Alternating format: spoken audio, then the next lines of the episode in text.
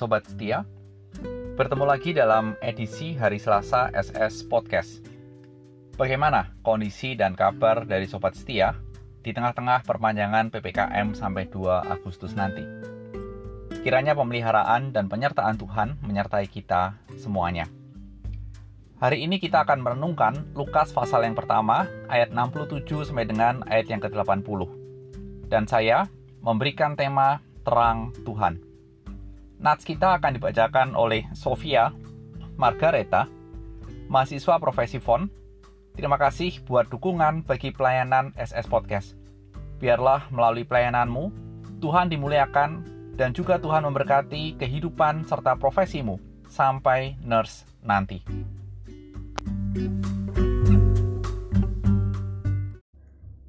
Lukas 1 ayat 67 sampai dengan 80. Nyanyian pujian Zakaria. Dan Zakaria ayahnya penuh dengan roh kudus selalu bernubuat katanya, Terpujilah Tuhan Allah Israel, sebab ia melawat umatnya dan membawa kelepasan baginya. Ia menumbuhkan sebuah tanduk keselamatan bagi kita di dalam keturunan Daud hambanya itu. Seperti yang telah difirmankannya sejak purbakala oleh mulut nabi-nabinya yang kudus, untuk melepaskan kita dari musuh-musuh kita dan dari tangan semua orang yang membenci kita, untuk menunjukkan rahmatnya kepada nenek moyang kita dan mengingat akan perjanjiannya yang kudus, yaitu sumpah yang diucapkannya kepada Abraham bapa leluhur kita, bahwa ia mengaruniai kita, supaya kita terlepas dari tangan musuh, dapat beribadah kepadanya tanpa takut. Dalam kekudusan dan kebenaran di hadapannya seumur hidup kita dan engkau, hai anakku, akan disebut Nabi Allah yang Maha Tinggi, karena engkau akan berjalan mendahului Tuhan untuk mempersiapkan jalan baginya. Untuk memberikan kepada umatnya pengertian akan keselamatan yang berdasarkan pengampunan dosa-dosa mereka, oleh rahmat dan belas kasihan dari Allah kita, dengan mana ia akan melawat kita, surya pagi dari tempat yang tinggi, untuk menyinari mereka yang diam dalam kegelapan, dan dalam naungan maut untuk mengarahkan kaki kita kepada jalan damai sejahtera. Adapun anak itu bertambah besar dan makin kuat rohnya, dan ia tinggal di padang gurun sampai kepada hari ia harus menampakkan diri kepada Israel.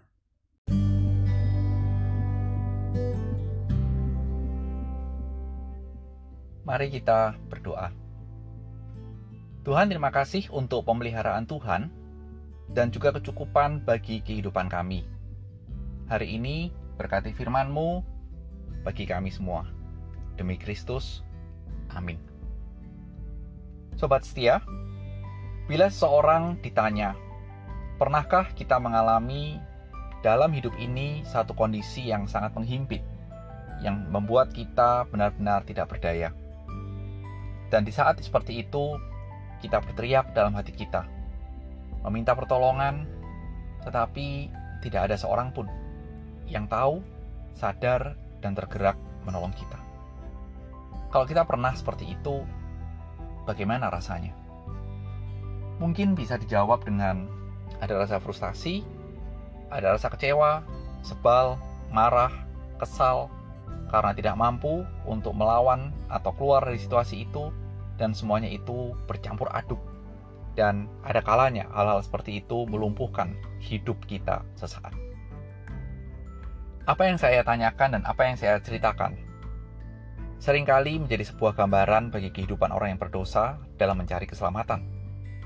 Dan itulah yang terjadi. Menjadi sebuah gambaran bagi orang-orang zaman itu yang memikirkan secara serius bagaimana bahwa hidup ini tidak hanya hidup dalam dunia, tapi hidup dalam keabadian. Dan berbicara masalah keabadian, di dalam keabadian itu ada dua pilihan yang kalau kita bisa pilih. Yang pertama adalah hidup kekal atau binasa. Dan ini adalah satu kebahayaan dan kengerian bagi umat manusia.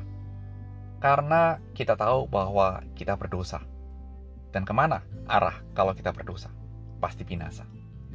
Sehingga dalam pergulatan seperti inilah, kita bisa melihat bahwa nats kita memberikan suatu penjelasan yang sangat jelas bahwa Tuhan Allah Israel pada saat itu dalam nats kita menyampaikan bahwa dia menumbuhkan tanduk keselamatan melalui keturunan Daud.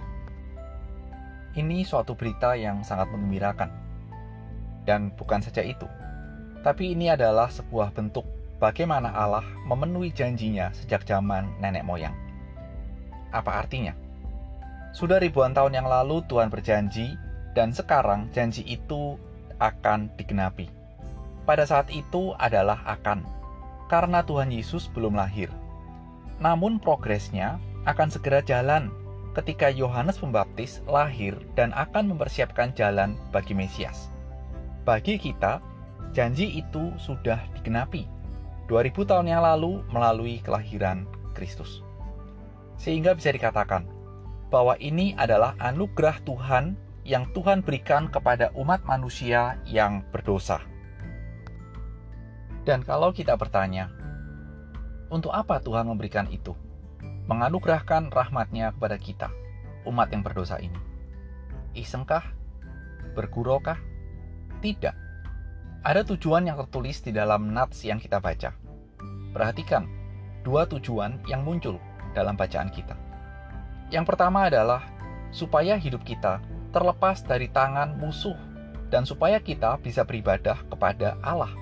Itu muncul di ayat 74. Dan yang kedua, supaya umat manusia yang diam dalam kegelapan itu mendapatkan sinar terang dari Tuhan.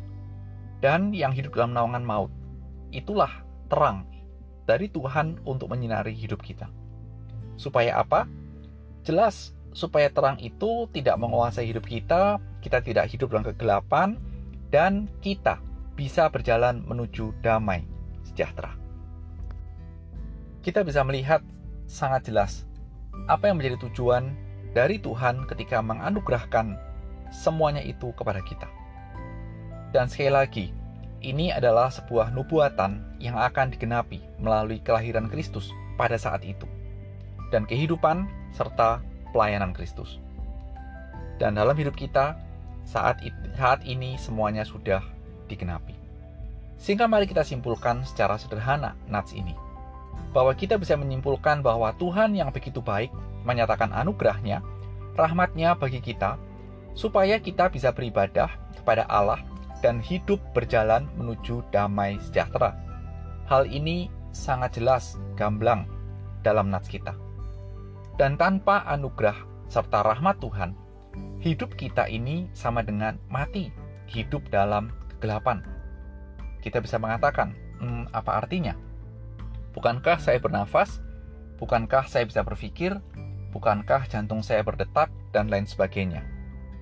Benar, tapi mari kita bertanya, apakah itu hidup yang sesungguhnya? Dan bila saat ini kita bisa mengenal Kristus, maka kita bisa melihat bahwa dengan benar bahwa inilah hidup yang dimaksudkan. Hidup di dalam anugerah Tuhan. Itulah hidup yang sejati.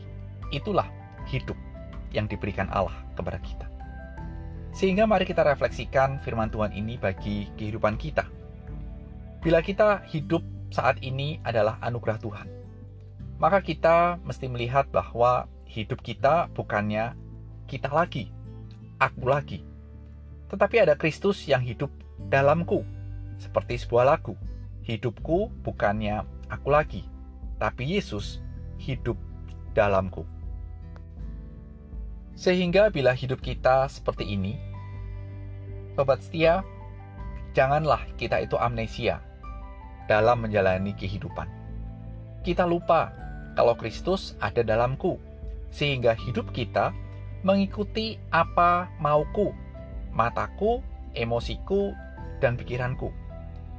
Kita harus ingat bahwa ada Kristus dalamku, sehingga dalam hidup kita dari keinginanku, rencanaku, pikiranku harus diubah menjadi pikiranmu, rencanamu, kehendakmu, jadilah dalam hidupku. Danmu di situ menunjuk kepada Tuhan. Sobat setia, ingatlah bahwa hidup kita adalah anugerah Tuhan. Dan biarlah rencana Tuhan jadi atas hidup kita. Selamat hari Selasa, dan selamat mentaati firman Tuhan. Amin.